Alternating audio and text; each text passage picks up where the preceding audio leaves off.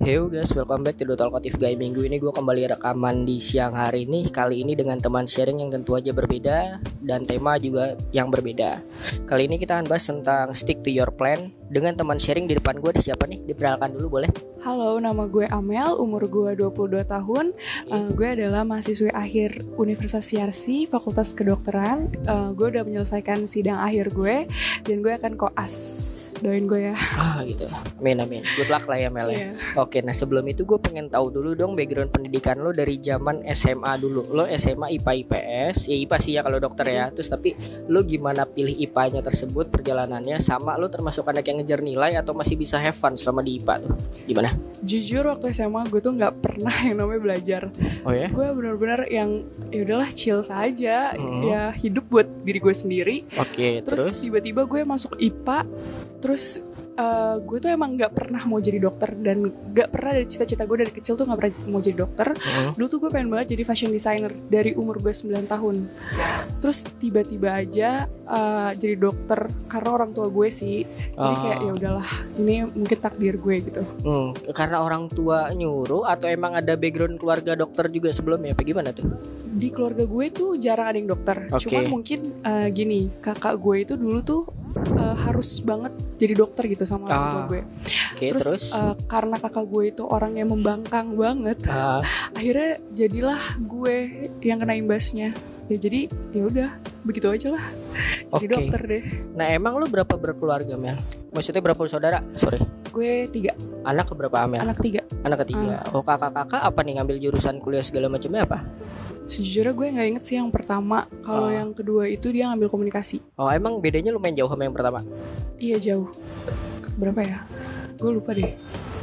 Di atas lima tahun? Dia sama tahun. Oh gitu, oke. Nah, nah setelah lo pilih IPA segala macam, nah perjalanan lo sampai milih, oke, gue kuliah di Yarsi nih, gitu kan, swasta aja. Sebelumnya gimana sih lo langsung ke Yarsi? Apa nyoba-nyoba negeri dulu? Apa gimana nih? Eh, jadi gue tuh emang udah bikin plan. Pokoknya Oke. mimpi gue itu ya jadi fashion designer. Ha-ha. Gue nggak pernah tuh mikir yang namanya gue cari kuliah. Jadi tuh dulu tuh zaman SMA tuh ada yang kalau kita UN ada yang nyetor nilai untuk ke universitas ya. Iya. Dan gue tuh nggak nyetor itu sama sekali. Jadi ya udah aja. Emang gue pengen ke fashion designer. Gue bilang sama nyokap gue, "Eh, mah gue aku pengen jadi fashion designer. Aku pengen ke Esmod. Oke. Terus eh, kebetulan ada teman gue nih, kita sama-sama daftar di Esmod. Waktu itu gue bohong. Jadi eh, pendaftaran Esmod kalau nggak salah butuh biaya Mm-mm. dan itu nggak dikit. Terus akhirnya gue bohong lah sama bokap gue kayak, pak kalau ke UI itu harus bayar segini gini gini gini gitu kan. Eh, itu nanti ada bedah kampus dan sebagainya. Akhirnya bokap gue transfer nih. Ah, terus? Padahal itu tuh gue ke Esmod buat daftar, buat keliling kampus Esmod. Pokoknya hari itu gue daftar. Ya gue nggak, gue ya gue tuh paham eh, kalau misalnya gue keterima gue harus bayar kuliah. Gue tuh sampai mikir kayak ya udah apa gue bohong aja ya. Gue bilang gue Hmm. masuk ke apa namanya FK. Terus padahal gue kuliah di Esmod gitu. Oke. sampai gue tuh berpikir kayak gitu tadinya.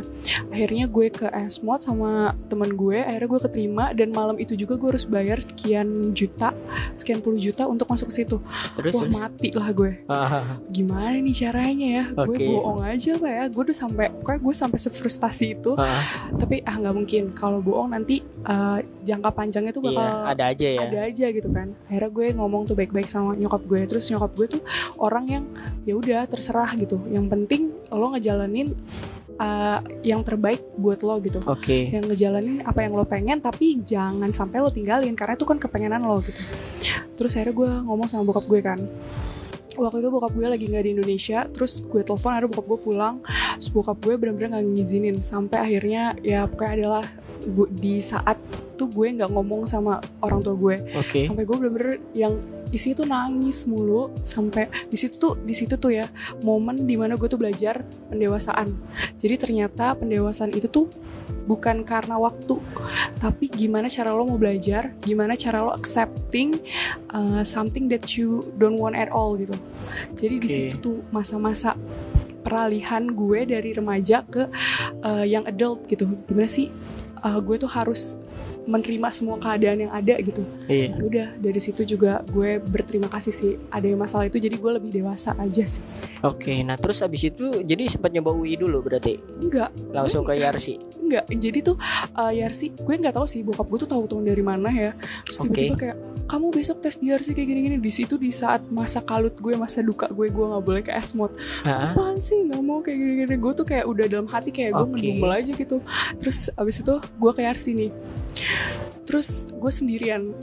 Eh, bayangin gue udah disuruh kuliah di tempat yang gak gue mau. Oh, fakultas gue nggak mau gue sendirian oh pula temen SMA nggak ada yang di Yarsi juga? ada Oh nggak ada. Oke. Gak ada, jadi tuh gue bener-bener sendiri Gue datang, gue gak ngerti apa-apa Gue gak belajar sama sekali Terus ya udah tiba-tiba gue keterima aja gitu Terus kayak, apaan terus. sih padahal gue Padahal itu ya, di pelajaran UN Gue ini bukan orang yang pintar matematika Oke. Gue bukan orang yang Maksudnya gue bisa menghafal Tapi gue bukan orang yang tipenya kalau gue gak belajar gue pintar gitu Iya. Enggak, takjub banget kan gue tiba-tiba Makanya gue keterima Terus Hmm. ya udahlah ya de- destiny didn't say so ya akhirnya gue jadi anak kedokteran ya beginilah Oke. hidup gue Ya sekarang kan bentar lagi mau koas nih. Kalau misalnya bisa di flashback, di compare eh, masa-masa SMA sama kuliah, lo lebih menikmati yang mana sih? Em, gue lebih menikmati SMA sih jujur banget. Kalau bisa rewind the time gitu gue pengen banget SMA SMA tuh gue bebas. Oh, ya kayak hal-hal yang gak gue mau yang gak akan gue jalanin gitu. Ah, karena di situ mungkin belum cukup dewasa kali ya gue berpikir ya. Mungkin kalau di FK itu apa pun harus uh, take in time. Jadi gue harus bener-bener on time. Gue harus ngambil keputusan di waktu yang terjepit gitu. Gue harus bener-bener mm, profesional. Oke. dalam kayak stick to the plan aja gitu. Pokoknya kalau misalkan gue harus ambil A ya A jangan ada B gitu. Lebih lebih ke strict point gitu sih. Ah, nah terus kalau misalkan lo waktu masuk Yarsi kedokteran segala macam awal-awal adaptasi susah gak sih? Kan itu belum kayak bener-bener pure yang lo mau gitu kan? susah dibilang susah susah banget. Tapi ya gue telan aja lah. Karena ya mau gimana lagi nggak Ah. nggak ada gue nggak bisa mundur pun. Kalau maju pun ya gue ya harus maju emang. Karena we have to moving on gitu setiap hari. Jadi ya udah gue berbaur sama teman-teman dan awalnya sih susah gitu kan. Jadi disangka orang tuh gue tuh orangnya sombong gitu. Ah, padahal em, karena itu tuh di di lingkungan yang baru Iya. dan lingkungannya sama sekali nggak gue pengen jadi tuh gue lebih ke diem aja gitu orangnya padahal enggak jadi maaf banget ya teman-teman kampus gue dulu Oke. Nah terus kalau misalkan eh kalau misalkan di Yarsi itu kalau misalkan anak-anak mahasiswinya itu emang harus hijab ya? Apa gimana sih? Gue nggak oh iya iya J- eh, banyak banget nih orang yang salah sangka. Harus hijab. Jadi Oh. eh, Yarsi ini sekolah Islam. Heeh. Eh, yang mana orang-orangnya itu eh, pokoknya sih seluruh sivitas akademi itu harus pakai jilbab pakai Oh, hijab. Gue pernah tuh di eh, komen di IG gitu kan di DM kak eh, sorry banget kok sekarang eh, udah pakai hijab kok lepas lagi. I'm sorry banget nih guys. Oh, gue iya. hijab di kuliah doang. Jadi tuh kayak gue tuh males banget kalau misalkan snapgram kalau di kampus terus gue pakai jilbab karena tuh orang-orang berpikir mungkin gue ke kampus hijab kayak baik-baik wanita baik-baik kalau di luar enggak gitu padahal emang kampus gue aja Oh emang peraturan yang mewajibkan ya gitu untuk pakai wajib. hijab gitu ya. Oh Iya. gitu ya. Itu tuh terkuak juga rasa penasaran gue gitu kan. Karena rumah gue tuh Iya, deket banyak dari banget. Yarsi dan nongkrongnya sering dari Yarsi sih itu kalau jalan gitu. Kok kayak hijab semua tapi gue kenal juga ada anak Yarsi juga yang udah lulus maksudnya kok dia nggak hijab itu oh jangan peraturan apa gimana gitu kan. Oke deh terjawab. Nah kalau misalkan dari segi sifat nih Amel kebaikan keburukannya menurut Amel sendiri gimana sih kekurangan kelebihannya? Em, gue mengumbar kebaikan itu malu sih. Kalau kalau buruknya itu gue masih rada emosional. Jadi em, kadang hal yang gak gue suka itu gue karena gue gini, oh gue orangnya tuh the point banget. Oke. Kalau gue nggak suka ya gue bilang sama dia, gue nggak suka. Nah mungkin di satu sisi ada orang yang nerima jatuhnya Hmm. jadi kayak gitu. Nah itu tuh eh, emotional gue mungkin yang paling jelek itu tuh kayak gitu. Terus eh, gue lebih ke orang yang eh, tahu harus eh, menempatkan diri gue. Jadi orang yang cukup profesional. Misalkan gue lagi di kedokteran nih, Wah, ya gue menempatkan diri gue sebagai mahasiswi kedokteran kalau gue lagi di permodelan lagi job ya gue bersikap layaknya seorang model kalau gue lagi di none ya di abang none gitu ya gue Mhm. bersikap se selayaknya gue seorang none jadi gue tahu di mana gue harus menempatkan diri gue Oke, nah kalau ngomongin orang tua, orang tua mendidik Amel dari kecil gimana sih emang?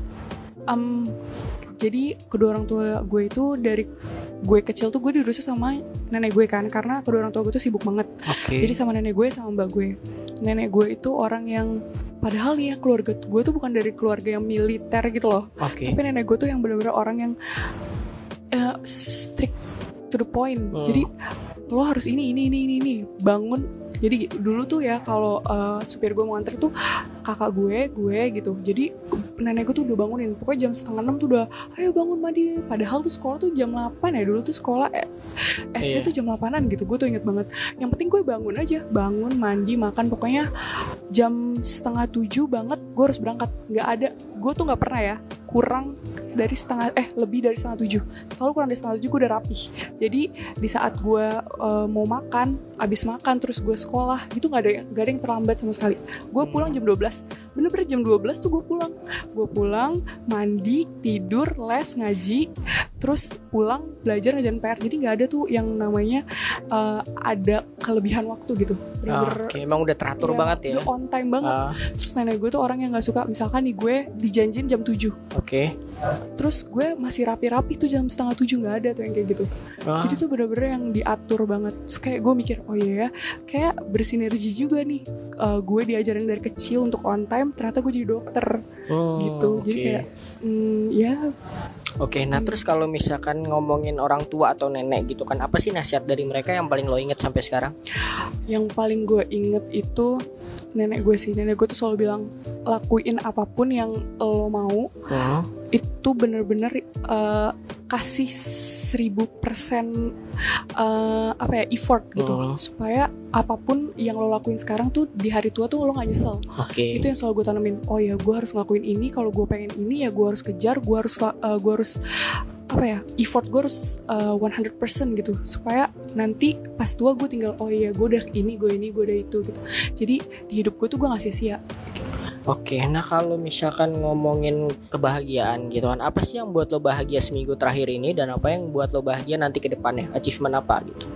kebahagiaan tuh alhamdulillah em, setiap harinya tuh selalu ada kebahagiaan sih Oke, terus?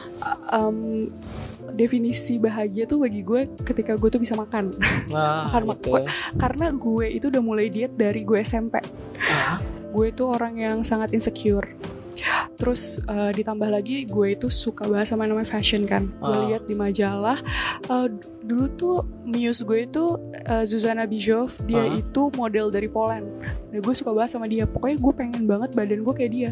Kate Bosworth juga itu pokoknya gimana caranya gue mau jadi kayak dia gitu. Akhirnya gue mulai diet dari SMP SMA gue nggak bisa makan pisang coklat dulu tuh ada terkenal banget pisang coklat meler itu Wah. Iya tuh itu gue Nggak boleh? Enggak, gue nggak makan. Oh lo emang nggak mau? Nggak gitu? mau Oh, karena gitu. emang gue mau jadi kayak si Zuzana Bischoff Ah. itu kan.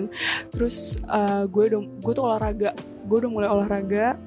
Terus gue nggak bisa makan. Pokoknya makanan-makanan yang bakso Malang, mie ayam gitu dulu tuh gue nggak sama Oh. sekali. sampai sekarang?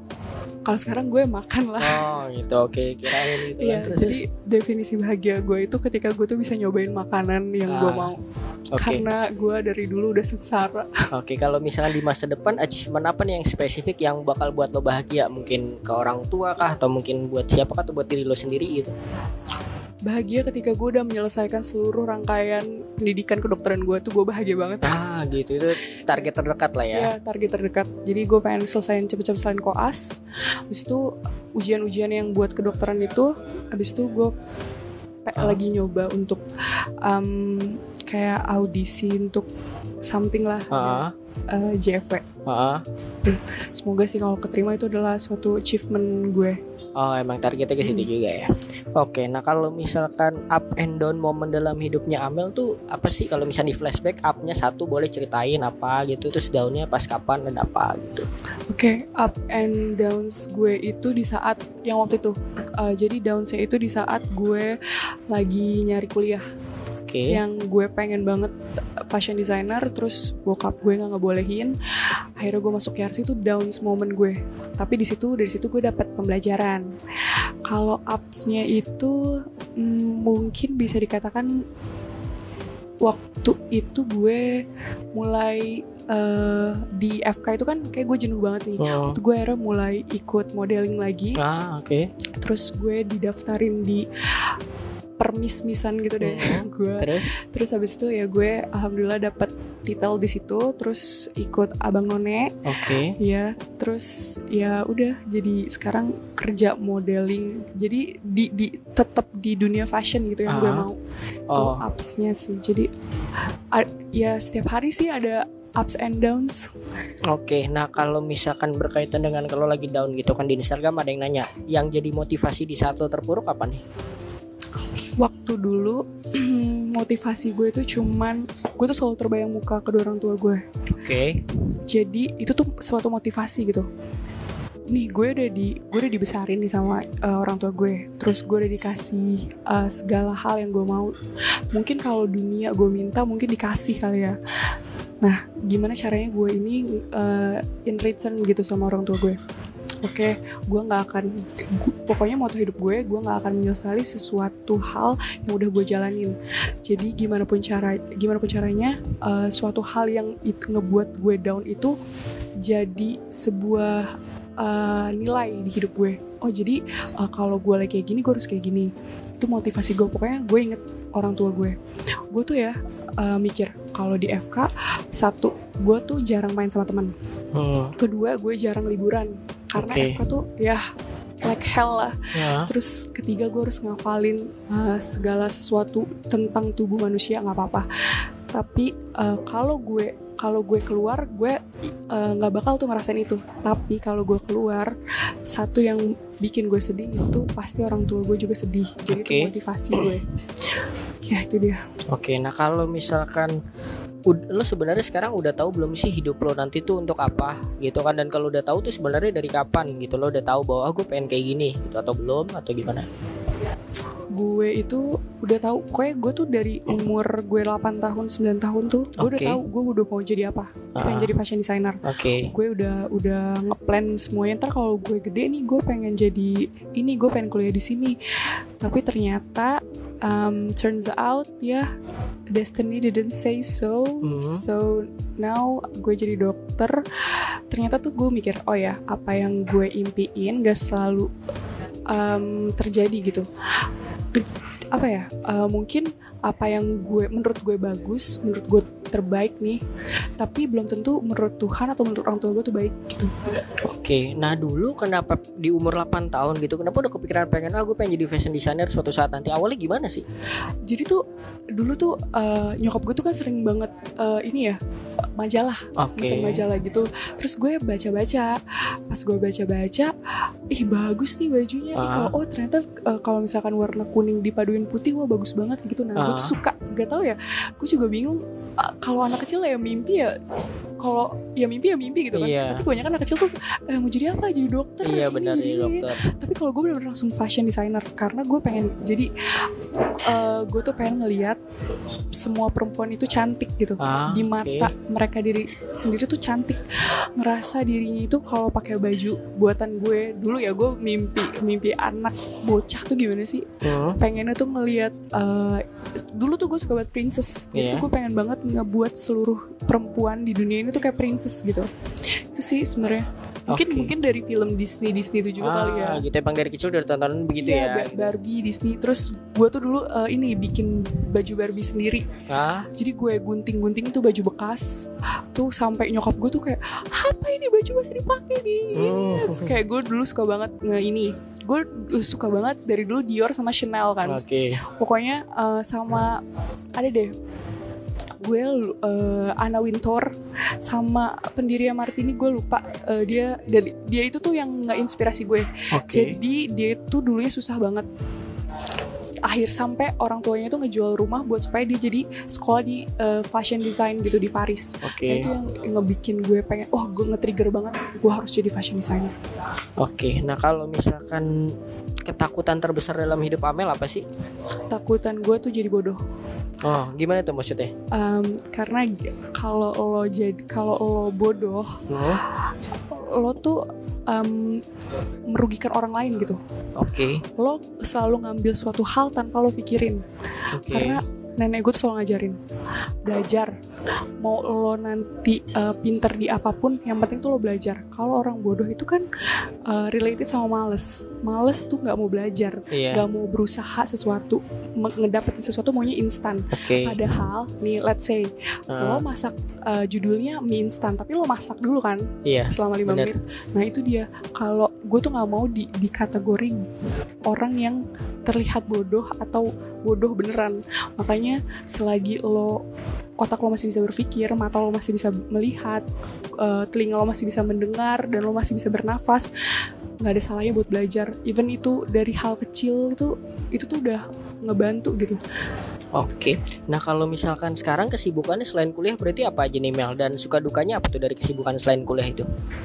gue sibuk di nyari duit sih nyari duit tambahan Oh. ya modeling aja gitu Itu freelance gitu apa masuk manajemen apa gimana tuh? Eh, gue lagi nggak masuk manajemen Oke. tapi sekarang lagi diskusi untuk masuk manaj- manajemen Oke.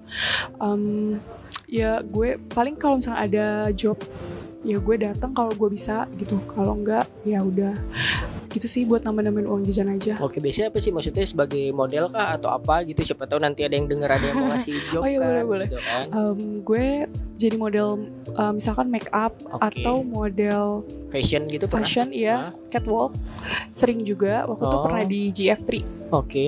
Terus eh, pernah di Pim Fashion Tastic gue lupa deh namanya apa tuh Ah. ngebawain baju desainer muda gitu sekolah-sekolah desain gitu Oke, oke kita tahu. Nah kalau misalkan berarti eh, kan orang kan belum tentu up, up tahu maunya gimana. Kalau lo kan udah tahu gitu. Gimana sih caranya kita tahu apa yang kita mau gitu Mel? gini eh, kalau sebenarnya kalau misalkan kemauan itu tuh Oke. eh, kayak gue gue pengen banget jadi fashion designer Ah, ah. itu tuh udah udah gimana ya udah udah ada dalam diri lo gitu Hmm. Nah, ketika lo mau, berarti tuh lo berusaha. Lo gimana caranya lo harus ngedapetin itu. Oke. Mau lo, pokoknya effort lo tuh udah sampai 1000% deh. Heeh. Usaha lo tuh buat ngedapetin itu. It- menurut itu versi gue ya. Iya. Jadi ketika lo mau, lo ngejar itu sampai dapet. Tapi ya kalau misalkan ada nih orang yang, ah gue pengen banget jadi ini ini ini, tapi dia nggak ada usaha, cuman ngomong doang ya itu sama aja. Lo itu namanya bukan bukan mau, bukan keinginan gitu. Oke. Jadi menurut gue ya itu dia kalau kalau lo mau ya berarti lo harus berusaha untuk dapetin itu. Oke, nah misalkan orang tahu nih maunya gimana, misalkan kalau dia pengennya jadi model gitu kan, bukan jadi dokter ya, pengen jadi model. Nah gimana sih? Maksudnya orang tapi nggak tahu caranya gimana gitu, terus banyak-banyak explore, kenalan atau gimana tuh sebenarnya kalau untuk jadi model mungkin? Hmm, Contohnya? modeling itu dulu tuh gue ini di Look Academy. Oke, Ah, uh, dari kapan tuh? Zaman kapan? Gue lupa deh 2018. Ah, Nah dulu tuh gue kecil tuh didaftarin sama nyokap gue gak disampul. ah, gitu. Emang Dari ada andil orang tua juga ya? Iya, nyokap gue tuh suka banget ngikutin gue yang lomba-lomba fashion, Ah, yang foto-foto ya. Deh. Dan gue tuh orangnya introvert kan dulu. Pas gue tahu ternyata gak disampul itu Ah. sama orang banyak, terus foto-foto depan kamera, itu gue langsung bener-bener minta keluar. Pokoknya gue keluar dari gak disampul. Akhirnya gue keluar. terus? Dulu kan masih pakai pos gitu ya. Terus Ah. kalau misalkan uh, keterima itu kita harus beli majalahnya. Hmm. Jadi harus ngeliat tuh, wah gue gue udah panik kan, gue udah, oh kayak gue udah gak mau banget deh, gue nangis. Gue akhirnya gue keluar dari situ. Terus habis itu em, gue tuh lebih suka di belakang layar gitu. Oke. Kayak gue gue dulu tuh punya ini. Eh, saking gue pengen jadi fashion design tuh ya dari SMP itu gue punya toko eh punya toko punya apa sih jualan online baju Hmm, itu Oke. Nah, gue gue desain sendiri tapi nanti gue bawa ke tukang jahit gitu Oh gitu. Dari Ah. itu kapan tuh? Zaman-zaman kapan tuh? 2014 2013 ya awal 2013 SMA sampai- berarti? SMA. SMP Oh SMP. Iya, wow, SMP. oke. Terus? dari SMP terus sampai gue kuliah awal Ah. karena karena waktu itu nggak nggak catch up ya waktunya di FK jadi gue berhenti terus gue lagi mulai lagi tuh kemarin tahun 2019 Oke. gitu Uh, jadi ya udah gitu. Abis itu gue bikin itu uh, gue minta model sama temen-temen gue kok yang rela aja dia mau jadi model gue. Gitu. Terus akhirnya di dari tahun 2017an ya gue min- diminta untuk jadi model sebuah brand di Instagram gitu Oke. akhirnya dari situ gue kayak oh ya udahlah kalau emang di fashion designer gue nggak bisa nih ya udahlah gue mau jadi model aja udah dapat uang terus eh, apa ya into deep ke fashion juga kan Dari Oke. sih. Nah, lo kan berarti kan dulu sempat planning mau jadi fashion designer, planningnya jangka panjang lah. Hmm. Setelah lo jadi dok, apa namanya mau jadi dokter segala macam ini, lo tetap tipe planning yang jangka panjang atau tetap ya day by day aja lah sambil ngalir atau gimana orangnya lo? apa pun apa pun mimpi gue gue tuh Ah. tipe orang yang eh, ngambil long term Oke. karena itu karena gini loh ketika lo mim- bermimpi lo tuh pasti eh, punya plan gitu kan Iya. nah kalau plan day by day itu tuh gimana ya Eh, misalkan lo hari ini ini ya males lah besok aja masih ada hari kan Hmm. Nah itu tuh menurut gue ngedistract Mending lo ambil Mending lo pikirin dulu nih Misalkan eh, Let's say Gue habis dari Dari dokter umum ini Iya. Gelar dokter gue pengen ngambil spesialis Hmm. Eh, Terus gue perempuan. Pasti gue akan menikah Gue akan punya anak Dan gue eh, Keseharian gue akan mengurus eh, Oke. keluarga kan. Nah gimana eh, caranya gue ngambil spesialis Tapi gue nggak mengganggu eh, It tersebut gitu. Oke. ya gue pilih lah. Kan berarti itu kan jangka panjang kan? Iya gue gue pilih spesialis yang gak makan waktu banyak terus juga nggak ngeganggu uh, keluarga gue Ah. ya it- itu yang harus dipikirin sih. Oke, berarti lo tipe orang yang nyiapin plan B juga. Em, nyiapin plan B itu pasti Oke. karena plan A itu nggak selalu sejalan sama apa yang lo pengen Oke. asal jangan ada plan C cukup di plan B Oh, aja cukup dua plan aja ya sebenarnya. wrapping semuanya Biar lo fokus juga effortnya Iya. juga ada gitu ya. effortnya juga ada Oke, nah kalau misalnya orang yang punya plan gitu kan, tapi dia suka ke distract nih di tengah jalan yang tadi kayak lo bilang gitu, itu harus emang orang punya plan jangka panjang atau sebenarnya ada saran lain dari lo?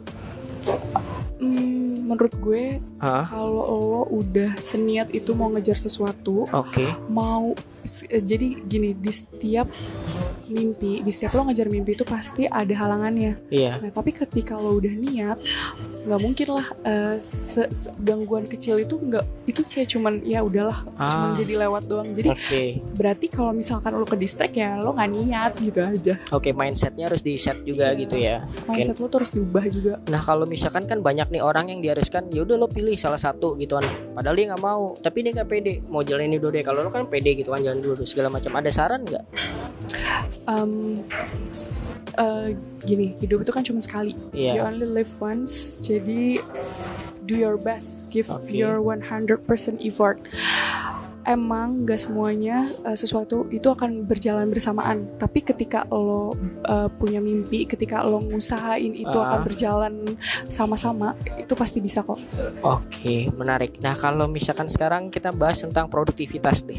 Menjadi produktif versi lo adalah menurut gue menjadi produktif itu produktif itu kan artinya itu uh, melakukan suatu usaha yang menghasilkan kan Iya. Nah, produktivitas itu kalau versi gue itu nggak perlu yang lo harus menjadi apa dan siapa dan Mm-mm. mengeluarkan karya apa.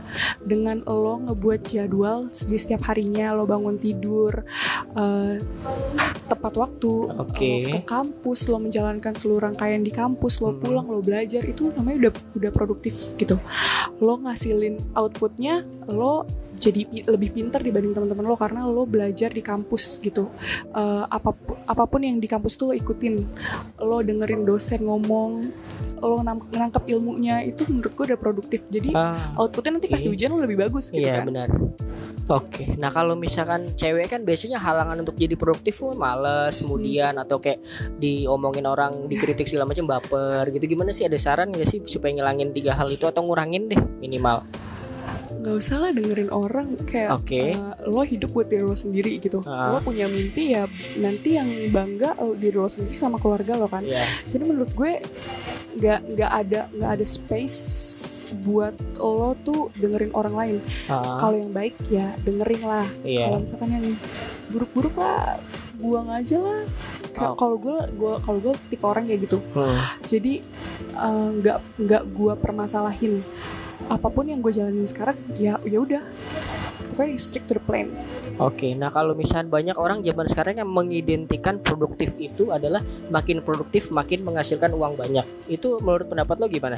ah bener banget sih Oke. bener banget ketika lo uh, udah menjalankan semuanya nih ya Heeh. pasti ada imbalnya imbalannya kan? nah di situ sih jadi lo belajar juga ternyata tuh cari uang susah bro Oke.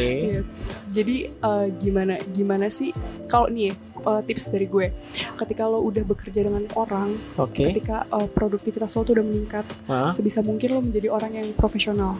Oke. Eh, lo lo tuh jangan jangan eh, apa ya terlambat lah gitu kan? Kan jadi itu kan eh, value dari diri lo nih. Iya. gitu. Jadi orang tuh ngelihatnya kok enak nih, wah ternyata eh, dia ini on time nih. Jadi ketika lo di dunia kerja, di apalagi di dunia modeling gitu kan, kalau eh, udah satu tuh udah kayak font sama satu orang itu bakal ditarik terus.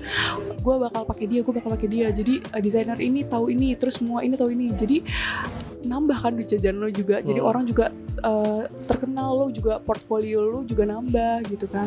Gitu sih menurut gue. Yang penting tuh lo profesional dalam menjalankan segala hal. Oke, dan yang penting juga adalah menikmati prosesnya kali ya. Nggak Iya. semua orang bisa langsung effort ngasilin duit. Mungkin Iya, nyari pengalaman atau koneksi dulu Iya. gitu kan. Dan semua itu berproses yang harus sabar, bener kan? Nah, kalau misalkan menurut lo kalau misal apa sih yang harus dilakukan agar kita bisa disiplin kayak mulai hal-hal kecil kayak bangun tidur segala macam Hmm. gitu. Selain itu ada ada lagi gak? Kalau disiplin itu sebenarnya em, harus dari diri sendiri sih. Susah. Kemauan. Iya kemauan. Oke. Kalau lo udah diajarin beribu-ribu kali tapi diri lo sendiri nggak mau ya susah gitu. Mulai dari buang sampah deh kan. Ah, iya ya. Dis- disiplin itu tuh buang sampah juga salah satu disiplin kan. Iya benar. Lo bangun tidur, lo ngejalanin segala aktivitas sesuai dengan jadwal lo, terus buang sampah. Karena susah banget orang untuk buang sampah. Padahal eh, tong sampah tadi situ tuh kayak Ah. berjarak cuman berapa meter gitu kan. Orang males gitu. Ya harus dibias sebenarnya harus membiasakan diri. Susah juga sih kalau misalkan udah diajarin tapi di dalam diri dia itu nggak mau tanemin hal itu gitu. Oke. Nah, kalau misalkan banyak orang yang sekarang udah produktif nih gitu kan, tapi saking produktifnya dia nggak tahu nih kapan sih harus rehat gitu kan, saking sibuknya gitu. Ada saran nggak buat lo dari lo? Hmm, kesehatan kita itu kan eh, ada dua ya, jasmani sama rohani. Iya. Nah, kadang-kadang tuh orang suka lupa tentang eh, rohaninya, Ah, tentang jiwa kita betul. gitu. Jadi ketika ketika lo udah em, capek lahir batin, menurut gue tuh lo harus berhenti. Ketika lo nih, misalkan ada orang yang super sibuk banget, eh, ada nih temen gue di modeling, Ah, dia itu sampai eh, bulimia. ah, Nah, ya udah menurut gue tuh lo rehat dulu tuh lo udah nggak sehat. ah, Jadi gitu. lo ilangin dulu. Ada yang eh, temen gue itu sam di FK itu sampai anxiety disorder. ah, Ya, eh, emang gini eh, efek samping dari lo ngelakuin sesuatu yang ya, lo kasih eh, give your best Effortnya. gitu ya, effort your best effort gitu. Kadang suka kayak gitu. ah, efek sampingnya kayak gitu kalau kita nggak pinter-pinter mikirin Iya, kesehatan mental uh-uh. segala macam gitu ya. Dan kayak ada orang yang berambisi, boleh berambisi, tapi lo tuh harus tahu tempat gitu. Ah, Jadi kalau misalkan uh, menurut lo lo udah lelah, lo udah muak banget ya berhentilah gitu. Lo Oke. cari lo cari sesuatu yang bisa ngebalikin mood lo lagi, bisa ngilangin itu semua. Oke, kalau versi lo balancingnya gimana tuh atau me time-nya kayak gimana kalau udah mulai wah produktif banget sampai butuh rehat nih gua. Kalau lo versinya gimana ngapain? Kalau gue itu uh, ke olahraga.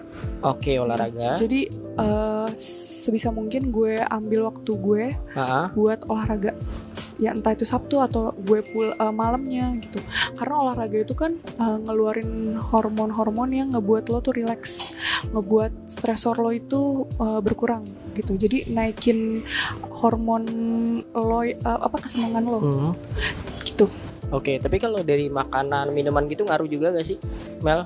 Apa kalau lo masih biasa aja, yang penting olahraga gitu? Gue gue sih olahraga. Mungkin kalau orang ada yang stres terus makan gitu Ah, kan. ya. dari dibanding kayak gitu terus nambah penyakit atau misalkan kalau model itu kan jadi Hmm. ntar gendut ya Hmm. ya mending olahraga olahraga aja sih itu itu tuh mm, salah satu yang terbaik lah Oke, nah kalau misalkan orang nih udah kayak terbiasa nggak disiplin kayak misalnya gue nggak disiplin nih segala macam susah kayaknya tak selalu ada halangan dari dalam dirinya sendiri. Sebenarnya orang kayak gitu bisa berubah gak ya? Maksudnya apa butuh support orang lain kah atau nggak bisa sebenarnya harus diri lu sendiri?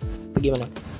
support eh, sekarang kalau semua orang udah support nih Ah, lo ah. harus kayak gini gini gini gini Ah. tapi masuk kuping kanan keluar kuping kiri Ah, ya sama aja jadi harus dari lo nya sendiri harus diri diri kita Hmm. sendiri yang ngubah itu mau mau orang misalkan eh, lagi coaching klinik gitu mau si coach itu paling bagus sedunia tapi diri lo sendiri aja nggak mau ya susah oh gitu. Tapi lu termasuk orang yang overthink gak sih kalau dalam karir ya? sorry Overthink. oh Kayak misalkan mikir segala macam kayak gitu-gitu.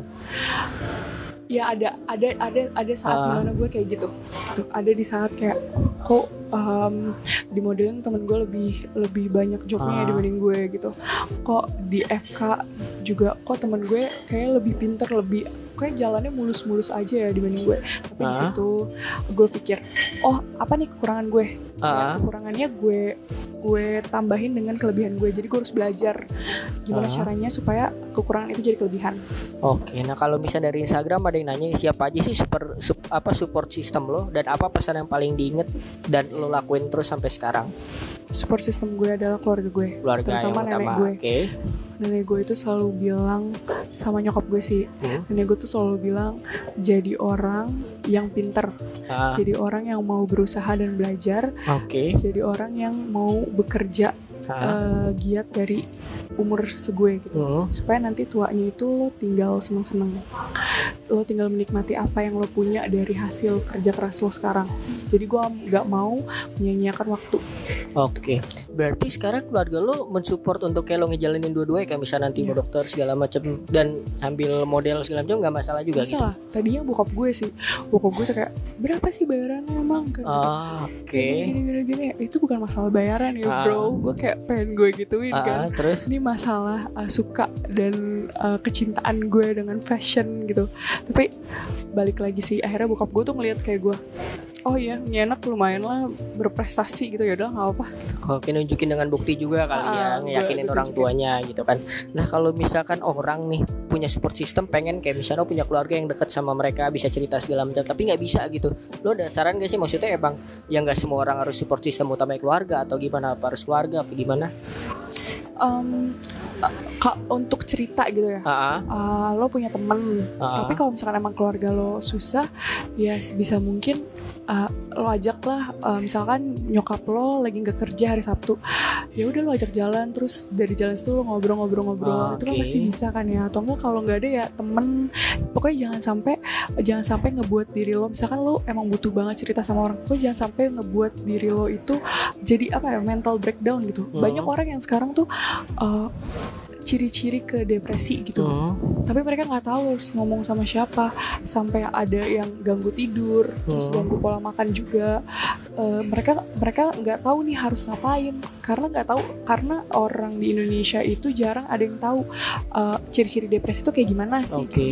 sampai akhirnya udah parah mereka nggak tahu nih mereka ternyata udah parah terus Ah. jadi suicide gitu jadi kalau menurut gue support system itu nggak cuma dari keluarga tapi teman ya gimana caranya lo lo pendekatan lah gitu lo lo cerita orang akan juga ngedukung lo gitu Oh gitu. Oke. Nah kalau misalkan gimana sih caranya kita bisa ngilangin rasa nggak enakan untuk keluar dari lingkungan yang toksik gitu. Entah itu pertemanan, lebih ke pertemanan sih.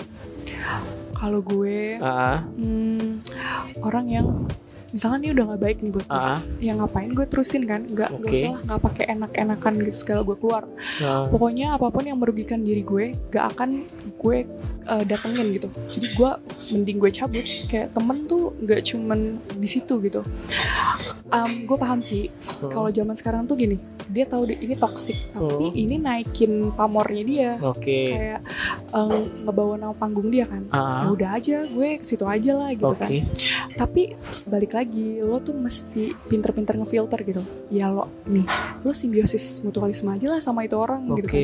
Lo ambil nama eh, apa namanya pamornya lo in return lo ngebalik eh, apa ya lo nge tem- berteman lah. Tapi ya kalau jelek-jelek itu jangan lo ambil gitu. Atau enggak kalau misalkan emang itu udah toxic banget ya lo keluar aja. Masih banyak hal yang bisa ngangkat nama lo gitu. Oke, tapi ada case bahwa orang nggak berani keluar dari lingkungan toksik pertemanan karena emang dia nggak punya teman lain selain itu gitu. Dan gimana sih ada saran gak dari lu supaya ya dia bisa keluar dan ya lo bisa survive kau sendiri gitu? Ada pesan nggak apa gimana gitu? untuk jadi sendiri itu kadang suka susah sih ya. Iya, tapi eh, gini lo harus tanemin kalau lo itu lebih baik daripada orang itu gitu. Oke. terus lo harus ngebuka diri sih. Hmm, karena mm, koneksi kan kita nggak tahu nih kalau Iya. uh, gue temenan sama lo ternyata Ah. ntar gue uh, JFW gampang nih iya, iya. gitu jadi lo harus lebih ngebuka diri lo tanamin dia teman tuh bukan dia doang gitu ya it's okay kalau misalkan uh, lo nggak se-famous dia tapi lo temenan sama orang yang lebih baik dan itu ngebuat lo jadi manusia yang lebih baik dan Ah, ternyata uh, bisa ngebuat lo jadi berkarya ah. ya kan gak ada yang tahu kan jadi ngebuka diri aja sih teman Ah. itu di dunia ini nggak cuman satu gitu Oke, jadi harus berani ngebuka diri lo ya gitu. Karena kalau misalkan soal mental health apa sih yang mau di share gitu yang mungkin aware nih zaman sekarang penting buat anak muda. nah Gimana? dia nih Eh, di Indonesia sendiri tuh Ah, tentang uh, mental health itu masih jarang ya jadi ada stigmanya gini kalau dia sakit jiwa ya dijauhin nanti Ah, iya iya lagi benar kan benar benar. Banyak nggak di, Iya. di lingkungan lo kayak gitu kan? Tapi padahal mereka yang uh, punya kelainan jiwa itu yang harus kita rangkul. Karena uh, mental health itu mental issue itu salah satu silent killer. Ah, terbesar. Kayak lo nggak tahu tiba-tiba ada berita dia bunuh diri.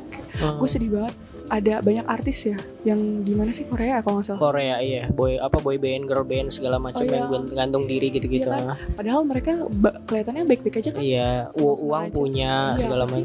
Eh, tenor iya, Iya. uang punya cantik iya, badan nggak kelihatan lah ya masalahnya. Nggak kan nggak kelihatan kan? Casingnya tuh udah bagus banget Ah. tapi kan nggak tahu jiwanya tuh mati gitu. Ah iya. Maka makanya tuh please jangan buat stigma kayak gitu gitu. Kalau misalkan temen lo uh, butuh bantuan yang kayak gue nggak bisa tidur nih. Ini ciri-ciri depresi itu ya. Satu uh, sulit tidur. Jadi Oke. uh, waktu tidur terganggu. Terus nafsu makan turun. Ah. Uh, regulasi emosi tuh uh, kayak jadi mood swing gitu. Ah Terus juga uh, kalau yang udah parah tuh ada waham. Jadi tuh dia ngedenger kayak uh, suruhan bunuh diri lah Oh. atau uh, apalah pokoknya Ah. uh, bisa waham berupa visual atau uh, apalagi auditori. Hmm. Jadi kayak dia ngelihat ada berasa ada yang uh, ngikutin dia gitu. Kayak gitu. Um, terus kalau misalkan ada salah satu keluarga atau teman kalian yang punya ciri-ciri kayak gitu Hmm. langsung kalian rangkul.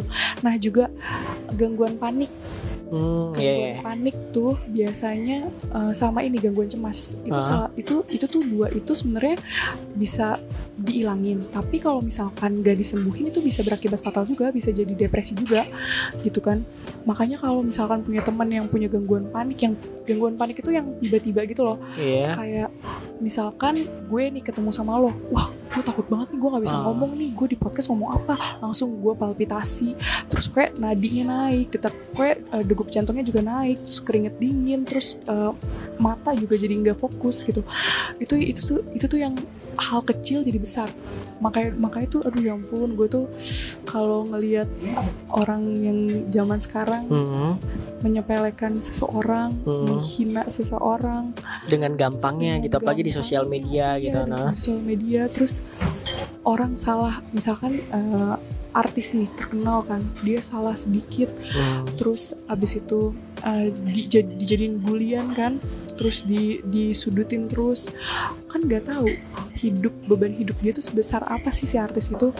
Dia kuat nggak nanggung itu semua? Akhirnya artis itu lari-lari ke obat penenang obat penenang ah iya iya. related sama narkoba. Akhirnya dia pakai narkoba. Hmm. dia nggak kuat akhirnya dibully juga. Akhirnya bunuh diri gitu kan. Iya iya. Kayak please stop. Kalau misalkan emang lo nggak tahu akar permasalahannya lo jangan ikut-ikut ngejelekin orang gitu kan nggak tahu beban hidup dia tuh sebesar apa gitu Oke dan yang terpenting adalah tambahan bahwa jangan mendiagnosa diri sendiri juga Nah, kali ya iya. harus sama ahlinya iya sama ahlinya kadang tuh orang jadi ada orang yang pernah nanya gue anonim gitu pakai uh, Instagram yang Ah. akunnya Abal Oke, gitu kan. nanya apaan tuh? dia tuh nanya "Eh, kak gue kayak gue tuh gak nggak bisa tidur gue agak Ah. lupa sih gue takut salah nih. Hmm. dia nggak bisa gue kalau tidur kebangun. Nah, terus, terus eh, gue insomnia nih. Terus Ah. habis itu gue tuh baperan banget gitu.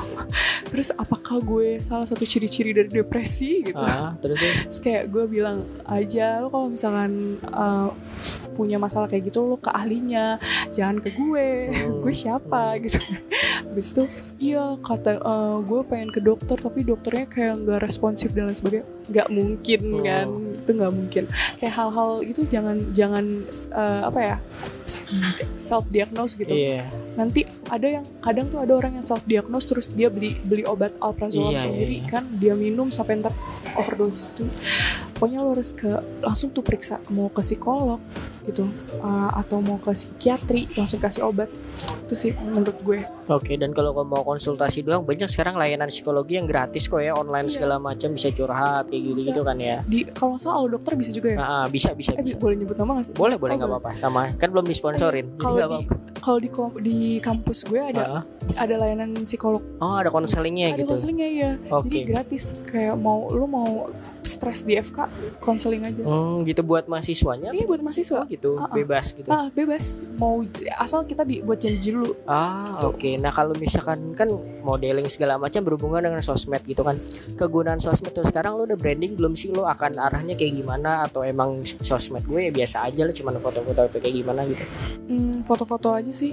Misalkan Hmm. kalau misalkan gue lagi ngebuat uh, misalkan foto buat salah satu brand ya gue post Oke. sesuai dengan Ah, yang mereka minta buat kayak gitu aja. Hmm, tapi kalau misalkan untuk story kayak lo menjaga gak sih dengan profesi lo sebagai seorang model ah gue lebih milih-milih nih apa yang bisa di post apa yang enggak atau ya emang lo masih jadi apa adanya lo aja nih maksudnya nyampa-nyampa dikit di kampus masih lo post kayak gimana tuh Jujur Ah. uh, gue lebih ke yang pertama. Ah, gue milih-milih. ah gitu gimana efeknya nih ya Iya, gitu. so- soalnya em, satu supaya orang tuh nggak annoying. Eh, kan ada beberapa klien gue juga kan Iya. di Instagram, jadi kayak lebih menjaga aja sih. Oke. Terus kalau yang privacy paling ke close friend.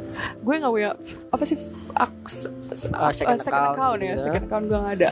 Oke. Jadi ya gue lebih ke close friend aja.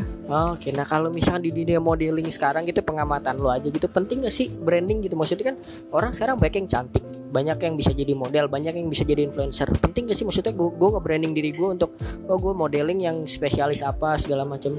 Menurut lo? banget.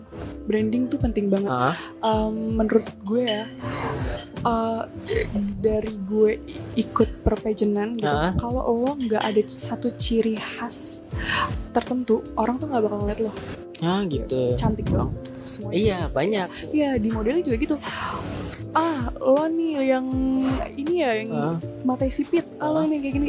Itu ditarik. Jadi tuh orang tuh ngeliat lo dari hal yang terciri gitu. Jadi tuh eh, orang tuh pengen pakai lo terus gitu. Oh Iya. gitu. apalagi kalau brand-brand besar tuh ya kadang nyarinya kayak gitu. Yang terciri gitu. Jadi branding tuh perlu banget. Terus kayak oh ah? lo yang model tapi dokter ya? Oh gitu. itu maksudnya itu contoh gitu. Iya, iya, kalau branding tuh Kalau misalkan lo udah kepikiran belum untuk branding kayak gimana? Apa Masih proses pencarian bahwa ah, gue coba dulu, ntar baru ngarah ke sini apa gimana? hmm, gue lagi proses mencoba sih ya Oke.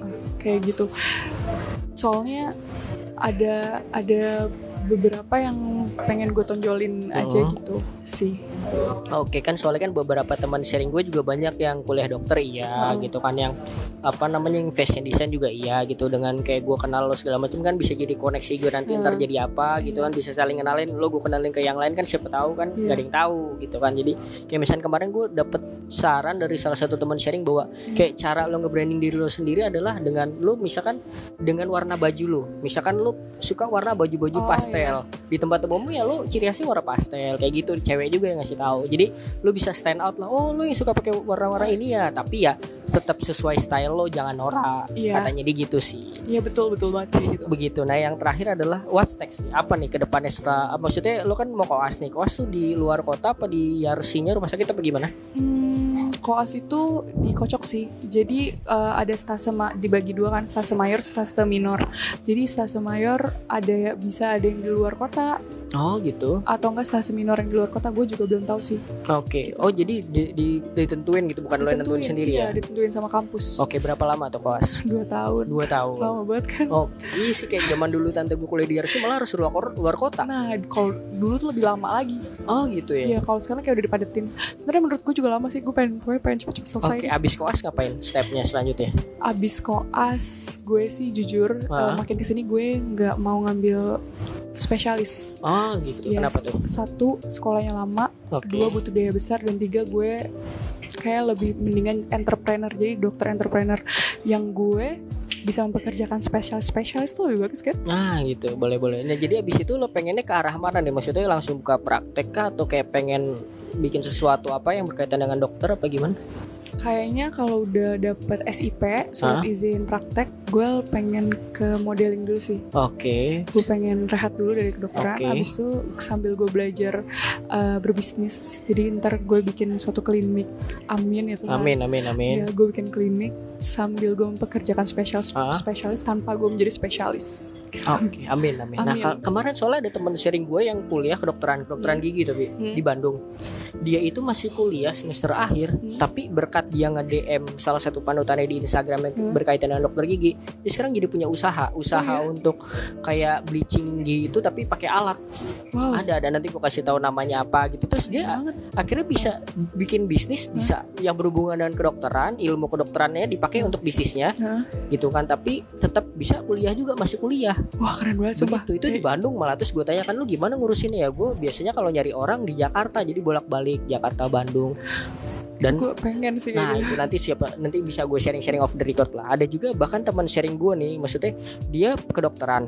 Dia praktek cuman praktek ini doang di Pepsodent Dental Care. Maksudnya yang gratis di Gandaria tuh ada. Iya. gitu kan namanya Stefani gitu kan. Oh, nah iya. sekarang dia Nona nekunin ilmu dokternya adalah dia bikin eh, apa namanya akun namanya medication di mana adalah dia eh, memberikan ilmu komunikasi buat dokter-dokter yang pengen nyampein ilmunya ke pasien tuh kayak misalkan kamu harus gini segala macam tuh dengan baik.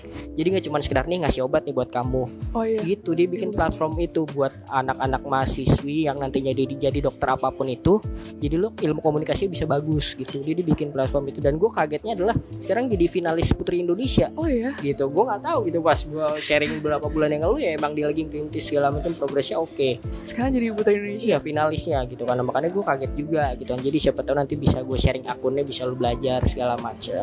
Emang banyak banget orang-orang yang mereka tuh sebenarnya udah wow banget tapi mereka nggak pelit ilmu. Iya. Itu dia. Itu dia dan banyak juga orang maksudnya kayak kayak misalnya tadi fakultas kedokteran ya lo nggak mesti praktek doang lo nyari duitnya gitu bisa jadi bisnisnya segala macam kayak gitu kan. Nah yang terakhir gue pengen lo promote Instagram lo siapa tuh deh mau nanya-nanya atau mau gimana Instagram gue Amelia Nisa di Oke. belakang A nya dua Amelia Nisa. Oke nanti gue tag juga kok biar nanti ada yang mau nanya segala macam gampang gitu. Thank you Mel udah mau Iya. sharing bareng Talkative Iya, guys. makasih juga Semoga bermanfaat lah ya. Ya, yang baik-baik bisa ditiru mungkin, tapi Iya. kalau yang jelek-jelek ya bagian dari kehidupan kita Iya. proses gitu kan. semoga uh, apa yang diomongin hari ini Hmm, orang denger mungkin terinspirasi amin, pasti Siapa dong. gue ya? Pasti pasti. Pasti kayak kemarin aja gue bikin tentang simple gitu kan gue sama HRD junior, masih junior gitu kan belum setahun. Bikin tentang kita gimana kita ngomongin CV aja deh kayak orang zaman sekarang anak muda Oh, iya, baru lulus kuliah banget. bikin CV berantakan padahal kampusnya bagus. Kayak Iya. misalnya gue ngobrolin sebenarnya CV tuh daya tariknya apa, Guys, baik yang relate. Jadi kita nggak tahu dari obrolan-obrolan kayak gini apa sih yang relate dari pendengar kita. Nah, itu itu penting banget sih Uh, apa namanya soalnya kan sekarang orang pada kerja di startup company kan Hmm. nah CV itu penting banget nah itu bagus banget sih itu di episode berapa tuh Kenapa? episode Di berapa? episode awal-awal nanti gue kasih tau deh 7 kalau nggak salah saya temen gue temen gue yang lagi pada ngelamar kerja supaya Oke. dengerin gitu Oke kan boleh boleh atau enggak nanti kalau misalnya emang pengen lebih private konsultasi bisa sama gue atau sama dia Oke. karena gue dulu juga pernah jadi HRD juga Oh, gitu. gitu. jadi kayak sharing-sharing segala macam kalau masih ada yang kurang di podcast itu tersebut gitu dah kalau ada juga bahkan kemarin teman sharing di Bandung itu adalah dia pintar lagi adalah dia selama kuliah kan dia FK kedokteran gigi dia bikin portfolio dia di Instagram. Dengan cara adalah dia foto semua gigi-gigi pasien selama koas segala macam kayak gitu-gitu. Iya, iya, di iya. Instagram udah ada sebelum dia lulus. Jadi kayak orang nanti mau buka praktek sendiri segala macam nih gue ada portfolionya. Gitu. Kayak misalnya sosmed penting juga berarti kan ya? Iya penting banget. So, so orang tuh jadi kayak oh ternyata dia ini ini. nah. Jadi kan kita punya value gitu kan. ah. Eh, kalau dilihat orang wah keren banget nih orang. Gitu. iya. Jadi orang lebih tertarik. Betul. Uh, terus kenalin oh ya dia ini loh dokter gigi. Oh ya dia dokter loh. Oh ya dia model pakai aja buat uh, brand lo gitu. iya iya betul nah yang terakhir ada info apa tadi yang mau disampaikan katanya Oh iya, eh, jadi Bang Non yang pengen daftar Abang None Jakarta Pusat 2020 masih terbuka sampai tanggal 21 Februari 2020. Eh, hari ini kita akan ada roadshow terakhir di M Block. oke Ah, ah, eh, nanti pokoknya pantengin aja Instagram Abnon Pusat. Hmm, terus juga pendaftaran tidak dipungut biaya. Pokoknya eh, kami tunggu kehadiran kalian di audisi di Wali Kota Jakarta Pusat eh, tanggal 22 dan 23 Februari 2020. Oke, hari ini kita rekaman tanggal 15 Februari Iya, ya guys, uh-uh. gitu. Nah, kalau ada yang masih bingung gitu ikutan Abang None gitu, ngapain sih dan apa aja sih manfaatnya kan lu kan alumni gitu, bisa cerita dikit gitu Oh kan. iya, Eh, jadi Abang None itu dia tuh representingnya Jakarta, ambasadornya Jakarta kan. Di mana lo itu nggak cuman tahu tentang pengetahuan Jakarta, tapi em, nggak nggak harus tentang Jakarta gitu. Seluruhnya sih nanti ditanya eh, tentang apa yang ada di Indonesia juga, terus Oke. politik juga kayak gimana. Karena jadi seorang Abang None itu lo akan eh, nge jadi guide-nya orang luar kan Iya. bule gitu. Dulu tuh gue ditanya gini kalau kalau misalkan lo jadi guide orang bule, uh, lo bakal bawa dia ke mana gitu. Nggak mungkin kan kita paling orang tuh jawabnya gini, "Uh, makan kerak telur nih di Monas gitu. Terus ke kota tua mau gitu. kan, kota tua Oke, gitu iya. kan.